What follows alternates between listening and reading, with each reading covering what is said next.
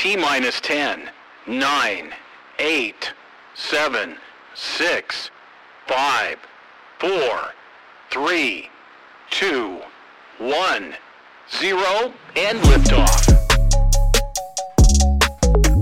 Ja, da ønsker vi velkommen til Magnus Arveng, gründer av Intention, et oppstart, oppstartsselskap som ønsker å skape maskiner som forstår mennesker. Takk for at du tar deg tid til å snakke med oss i dag, og velkommen hit.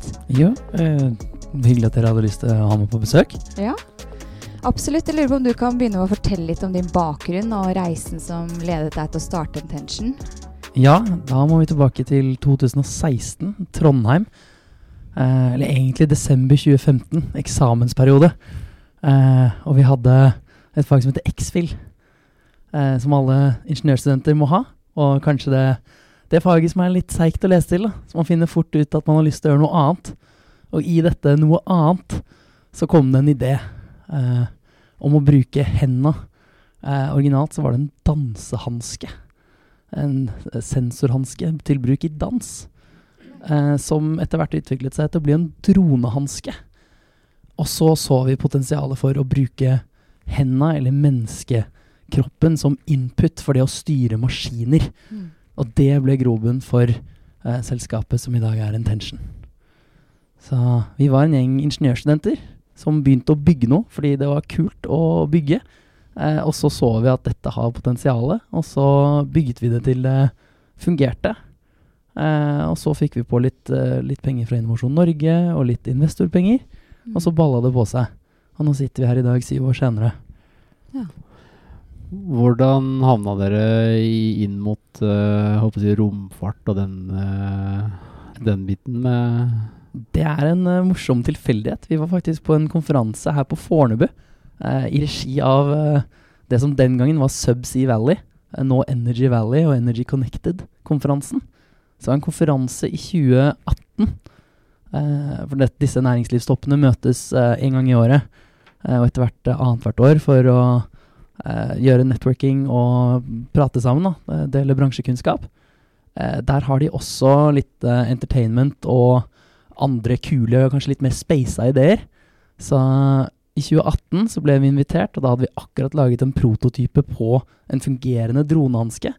Så vi kom der med en pappeske med noen ledninger og, og en hanske oppi. Gikk rett bort, vi så at Erna var på plass. Så vi gikk rett bort til Erna forbi sikkerhetsvakten og begynte å prøve å demonstrere dronehanske for henne. da. Og etter at vi eh, hadde fått avklart at dette ikke var farlig, eh, så fikk vi 30 sekunder med Erna. Eh, og da sto han som ledet konferansen der og syntes det her var dritkult. Så han inviterte oss tilbake året etterpå. Og da var en av hovedattraksjonene en masterclass med doktor Pascal Lie fra NASA, Ames Research Mm. Center eh, i California. Eh, for han skulle da forklare how to colonize Mars. Men dr. Pascal leder også NASAs lengstgående forskningsprosjekt, som er en feltbase i høyarktiske Canada. Uh, og der inviterer han uh, alle som har teknologi som potensielt kan brukes til å utforske månen eller Mars. Så vi ble satt i kontakt med da dr. Pascal under konferansen i 2019. Eh, og sånn startet eh, eventyret, som har ledet til nå tre år med forskning og utvikling. Og etter hvert validering og integrasjon av teknologien vår opp mot eh, romdrakter sammen med en industripartner i Amerika. Wow. Veldig spennende. Så litt tilfeldig at dere havna innen romfart, egentlig. Ja, eh, man kan jo si det. Eh, styring av robotikk er noe som har potensialet overalt. Mm. Eh, men det er kanskje et spesielt stort problem for astronauter pga. bevegelsesfriheten de mangler i en trykkbesatt romdrakt. Så derfor er det et eh, fagfelt hvor det er ekstra viktig med intuitive brukergrensesnitt. Og det er det vi har spesialisert oss på de siste fem-seks årene. Så dere har altså utviklet en sensorhanske som oversetter håndbevegelser til maskinkommandoer? Ja, det startet med hansken. Og på Mm. NTNU så var vi lenge kjent som de med hansken, eller jeg var han med hansken. Uh, men hansken er egentlig en device, en måte å få ganske nøyaktig hånd- og fingerdata, eller bevegelsesdata, som da gir grunnlag for den kommandoen som vi sender til maskinen. Så det vi jobber med nå, er en videreutvikling av det konseptet, hvor vi lager en software som tar inn data fra mange forskjellige devices. Det kan være sensorhansker, men det kan også være stereokameraer eller XR-headset. Eh, og så tar vi inn data fra brukeren, både håndbevegelser og kroppsbevegelser. Vi tar inn talekommando og Mm. eye-tracking, eh, og kan bruke dette da til å styre maskiner. Eh, nå har vi fokusert på robotsystemer, og i all hovedsak mobile roboter. Det kan være droner eller eh, bakkegående, ubemannede bakkefartøy med eller uten påmonterte robotarmer. Mm. Så det som er unikt med det vi gjør nå, det er at vi connecter disse devicene, som henter menneskelige data, med et digitalt miljø. Det kan være en digital tvilling, det kan være en bygningsinformasjonsmodell, eh, BIM-modell på fagspråket, eller det kan være ekte sensordata fra f.eks. en oljeplattform. Eh, og så gir vi operatøren som står der, mulighet til å ta kontroll over robotsystemet, f.eks. drona, ved hjelp av hendene. Styre det på en enkel og intuitiv måte, og gi situasjonsforståelse for noe man ikke har tilgang til eh, fra der man står in situ. Eh, så det er kanskje det som er mest unikt med den softwaren som vi nå prøver å lage. Så det har jo åpenbart mange områder og, og for anvendelse, da. Men vi er jo her i, som en space-podkast, og da kan du fortelle litt mer om hvordan det kom i gang, det der med NASA. At dere er det liksom, Nå er det klart at dere skal bli en del av neste generasjons romdrakt. Det er ikke satt i sten, eh, men vi har hatt et mangeårig nå, eller i hvert fall flerårig forsknings- og utviklingsprosjekt, hvor vi har eh, i 2019 validert at teknologien vår er like god eller bedre enn eksisterende løsninger, og krever kortere opplæringstid og mindre kognitiv kapasitet. Så grunnlaget er der for at dette er Vi har god tro på teknologien. Eh, så har vi brukt et par år på å videreutvikle konseptet, eh, raffinere det litt, og etter hvert også integrere det opp mot en faktisk romdraktsprodusent sine IT-systemer. Eh, så det gjorde vi i 2021, eh, og avsluttet den felttesten med en suksessfull integrasjon. Det var den store highlighten. Eh, og nå er jeg så heldig å kunne meddele at eh, vi har fått være med i år også. Eh, og systemene våre har vært på Devon Island eh, nå kom hjem forrige uke. Eh, og vi har fått veldig gode skussmål. Eh, og uh, feedbacken var at uh, dette syns de var awesome. Så bra. Så hva, hva er på en måte veien videre med det her prosjektet nå? Hvordan Det har vi dessverre ikke lov å si altfor mye om, men det jeg kan røpe, er at vi har en stor kunde, en stor amerikansk romdraktsprodusent, som vi har en flerårig rammeavtale med, Mm. hvor det kan komme kjøpsordre kontinuerlig. Eh, så det er den største inntektskilden til selskapet per i dag. Eh, og så har vi også nå et eh, potensielt prosjekt med en kommende norsk astronaut, eh, som også har noe spennende på gang. Eh, som eh, vi får lov å dele litt senere. Eh, hva, hva skal til altså, for å, som et relativt lite oppstartsselskap, å komme i posisjon til å kunne levere til store internasjonale aktører innenfor eh, romfart? Altså, hva, hva skal til som selskap for å komme i den posisjonen? Hva er det liksom mange Er det et stort løft for et selskap å komme i den posisjonen? Ja, nå er vi eh, det eneste norske selskapet som jeg vet om, som sitter i den type posisjonen. Eh, og du skal ha en god dose flaks. Eh, du skal ha et godt nettverk som vet å sette deg i kontakt med riktige aktører. Eh, og så skal du tørre å si at 'dette gjør vi', 'dette får vi til', eh, før du egentlig helt vet om det går. Eh, og når du blir invitert med på et forskningsprosjekt med NASA og MP om tre måneder, eh, så sier du 'jeg kommer'. Mm. Og så går du ut og henter pengene for å muliggjøre at det, at det skal gå, rett og slett. Man må ta litt eh, risiko og hoppe på de mulighetene som dukker opp. For det var vel kanskje ikke akkurat eh, space dere hadde tenkt å, å satse på når dere begynte med Det var ikke primært Space vi hadde tenkt på, men allerede i 2017 så pitchet vi på Startup Extreme. Imagine being in your space capsule. Eh, og da var det mest for å få folk til å drømme, få folk til å tenke at dette kan bli eh, universelt. Eh, og så var det litt morsomt da at bare to og et halvt år senere så satt vi der og hadde faktisk validert at Tekken er god nok og har potensialet til å kunne gjøre nettopp det. Altså, space er jo et utrolig spennende område, og det er artig å høre liksom, eksempler på selskaper som, som lykkes på den måten. Så, Sånn generelt, sånn, bortsett fra deres historie, da. Eh, Ser du så utviklingen innenfor space som et område som, hvor det ligger mye potensial for norske oppstartsselskaper sånn generelt? At det er, det er, virkelig et område å hoppe på for eh, gründere generelt? Eller er det bare noen veldig få sånne smale nisjer som du Altså, space eh, på sikt tror jeg kommer til å bli større enn jorda. Det, i, I scale så sier det seg selv, når teknologiutviklingen generelt har kommet langt nok. Eh, nå var det jo en strålende prestasjon av India, lande på månen her eh, for bare noen dager siden. Eh, så vi ser jo at vi begynner så smått å nærme oss et steg hvor vi kan være interplanetariske. Altså er det nok et langt steg til økonomien i verdensrommet er større enn den på jorda, men du må definitivt eh, være med. Eh, og de som er i front, har forhåpentligvis muligheten til å ta en stor del av den første kaken som kommer der. Eh, og vi håper jo på at vi kan, kan, være med både til månen og forbi for å levere eh, Muliggjøre eh, og styre roboter for astronauter i verdensrommet.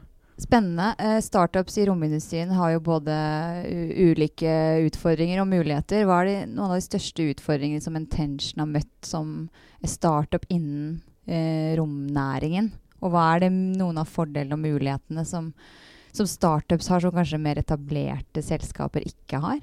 Er det, er jo ja. veldig, veldig, tidlig i uh, utforskningen av rommet. Og jeg vil tippe at 98% av alle selskaper som jobber med space nå, primært jobber med satellittdata. Uh, og da er det gjerne liksom data som vi henter i verdensrommet og bruker på jorda. Vi er jo i det segmentet hvor vi ønsker å hjelpe til uh, i det vi kaller human deep space exploration. Og tiden for det har jo ikke vært på 50 år. Forrige gang vi var på månen, mennesker, var jo på 70-tallet. Uh, eh, så nå er liksom Nå er tiden inne for at det kanskje kan muliggjøre nye teknologier. Det er veldig mye spennende innen ISRU, altså In Situ Resource Utilization. Å bruke de ressursene som faktisk er i verdensrommet istedenfor å frakte de fra jorda opp. Der ligger det enormt potensial.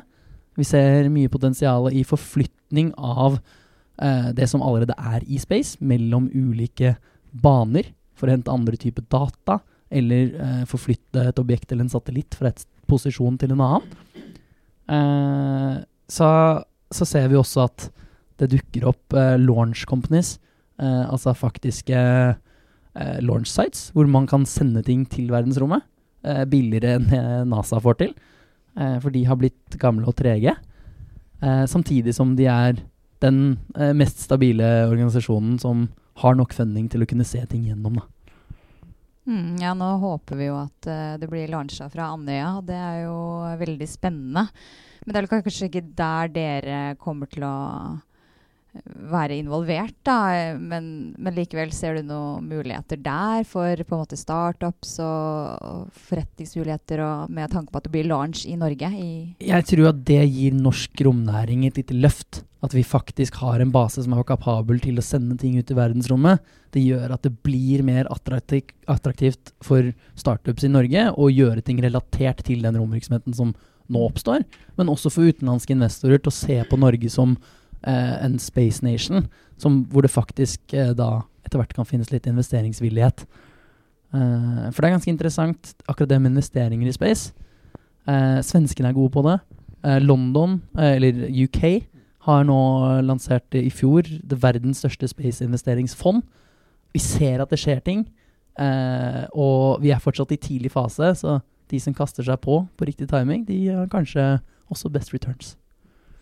Så du tror at uh, sånne store strategiske prosjekter som Anja er med og hjelper også småselskaper for å liksom gi Norge et, et uh, omdømme som romfartsnasjon? Som Definitivt. alle trekker alle nyter godt av? Ja, jeg tror det er med å sette Norge litt på kartet. Uh, og det er veldig viktig at vi også viser den politiske viljen til å investere i sånne tunge næringer som, hvor det tar tid. Mm. For det er jo kanskje den primære grunnen til å ikke investere i space det er at vi er så tidlig at det tar tid før du får virkelig eh, return on investment. Da. Mm.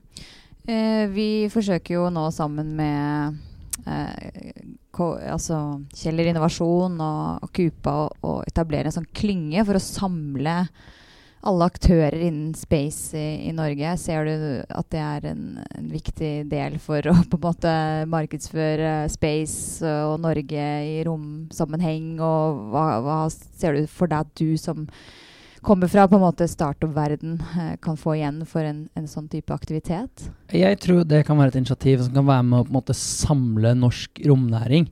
Eh, og øke bevisstheten rundt hvor mange andre aktører det faktisk er som satser på rom eller romrelatert virksomhet. Eh, det har vært ganske fragmentert, økosystemet i Norge fram til nå. Eh, der vil jeg gi en kudos til eh, Ole Dokka og Spaceport-eventet, som er en årlig konferanse som de siste tre årene spesielt har hevet eh, både kvaliteten på selve konferansen, men også utbyttet man får igjen av å delta på den, og hvor man begynner å se en oppblomstring av et, eh, et cluster, eller en space-næring. Eh, så å kunne samle det i en næringsklynge som eh, kanskje har mer kontakt enn den årlige konferansen, og hvor det skjer eh, litt mer som eh, kanskje gjør at man kan gjøre business to business innenfor segmentet også, det tror jeg er veldig velkomment. Mm. Du har jo vært eh, involvert i innovasjon du fra starten av dine tidlige studentdager. og hva, hva, tror du er på en måte, hva lærte du der som du har tatt med deg videre i Intention? Oi. Eh, det tror jeg først og fremst er eh, troa på at det er mulig å skape sin egen fremtid. Eh, det er mottoet til studentorganisasjonen Start NTNU, som også i de senere årene har startet et eh, event som heter Start Space Eh, så de også har jo sett at space er eh, og blir viktigere. Eh, og den organisasjonen den har egentlig som fremste mål å spre budskapet om innovasjon og entreprenørskap til studenter. fortelle at det er mulig, og spre det glade budskap. Og den entusiasmen, den skaper gleden. og det å ha tro på at det går an å starte noe, og hvis du feiler, så går det an å prøve igjen. Den, den tar jeg med meg. Så nå når uh, Start NTNU har starta Start Space, så, så det, kommer det en strøm av eh, oppstartsselskaper fra Trondheim eh, innenfor space-segmentet. Ser, ser, du noen, noen, nye unge startups som kommer etter dere, som du syns ser spennende ut?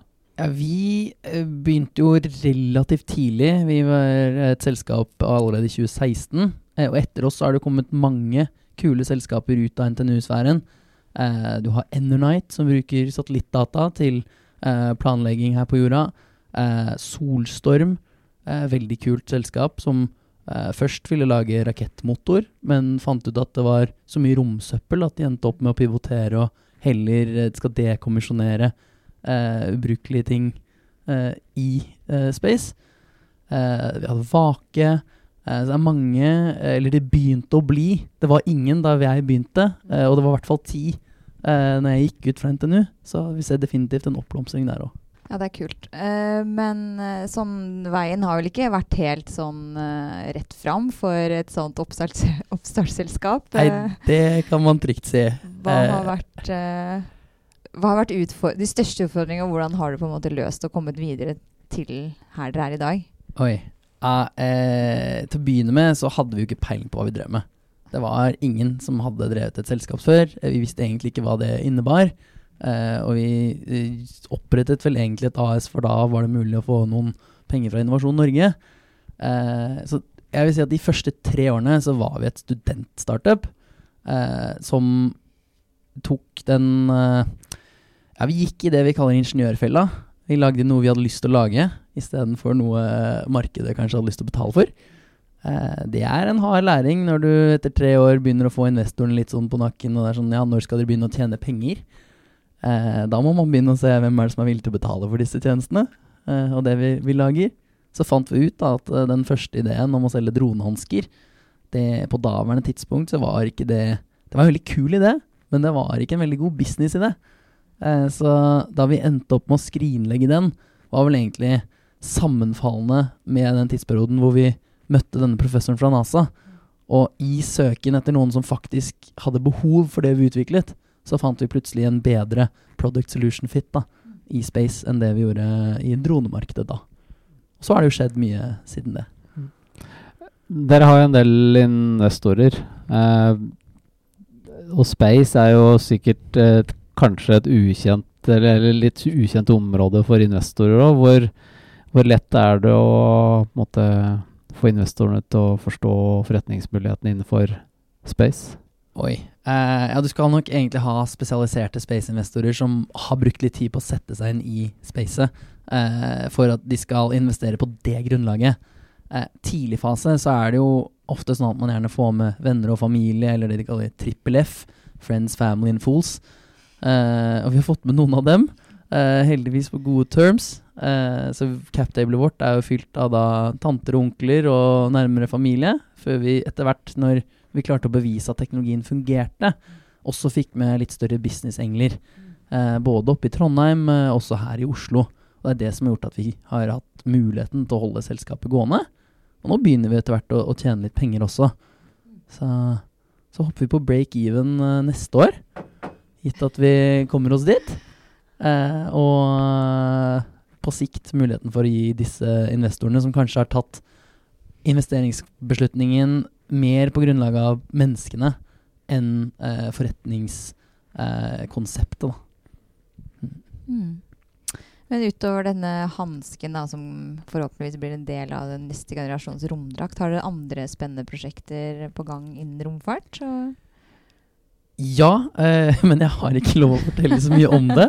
Eh, for det er dessverre en dabelagt. Mm. Eh, men Men eh, ja. det kommer til å komme noen Mm. nyheter. Eh, om ikke så fryktelig lenge. Mm. Si et halvt års tid.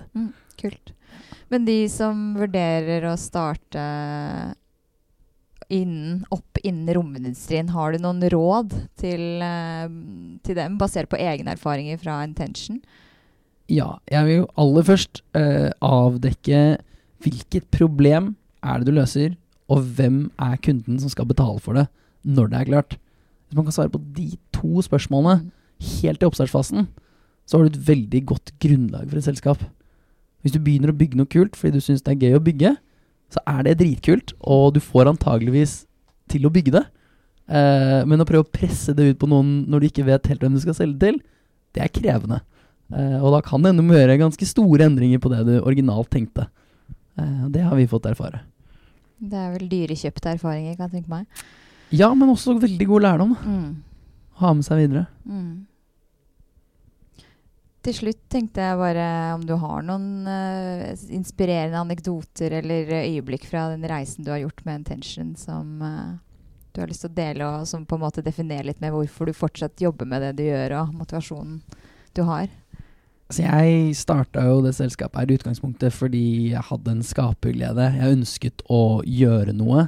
Eh, noe som skapte en mulighet til å styre noe utenfor deg selv. Eh, og det har vi bevist at det går an. Eh, og teknologien er nå så moden at det vi prøver å gjøre, er fullt mulig, men det tar tid å bygge.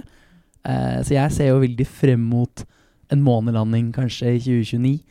Eh, et av de største øyeblikkene mine på reisen til nå tror jeg må ha vært å få lov å prøve testromdrakten til dette industriselskapet. Eh, så det er nok det, det kuleste øyeblikket jeg har med meg. Å stå inni der og faktisk fly drone integrert i en romdraktsløsning på en felttest. Eh, og så håper jeg at vi får eh, flere sånne type eh, opplevelser eh, også her i markeder her på jorda going forward. Så bra. Det er kjempespennende å høre om reisen deres, og vi gleder oss til å følge dere framover. Og det er veldig artig at et sånt lite land og, eh, som Norge, med et lite selskap, kan eh, hevde seg i konkurranse med de store gutta i utlandet. Så tusen takk, eh, Magnus, for at du tok deg tid. Eh, takk selv. Eh, jeg tenker også at eh, det er viktig helt på slutten her å takke teamet. Mm. Eh, det er en av de tingene vi ikke, kanskje ikke kom inn på. Men hvis du skal starte noe, om det er i rommet eller annet Hvis du får med deg det riktige teamet, da har du substansielt større sjanse for å lykkes, tror jeg. Jeg er veldig heldig som har med meg en gjeng som vi har jobbet sammen siden vi var studenter, og som er med fortsatt. Eh, og den gjengen der, og alle menneskene rundt, økosystemet, nettverket og de, de som du deler reisen sammen med, de er vel så viktige som det resultatet som du skaper, da. Så det Veldig tenker bra. jeg er bare en sånn liten ettertanke. Veldig bra. Mennesker er jo to, på, til, til syvende og sist det viktigste ressursen man har. Ja, enn så lenge. Mm. Så får vi se hva AI, AI og andre, andre ting eh, kan finne på i fremtiden. Tusen takk. Takk selv.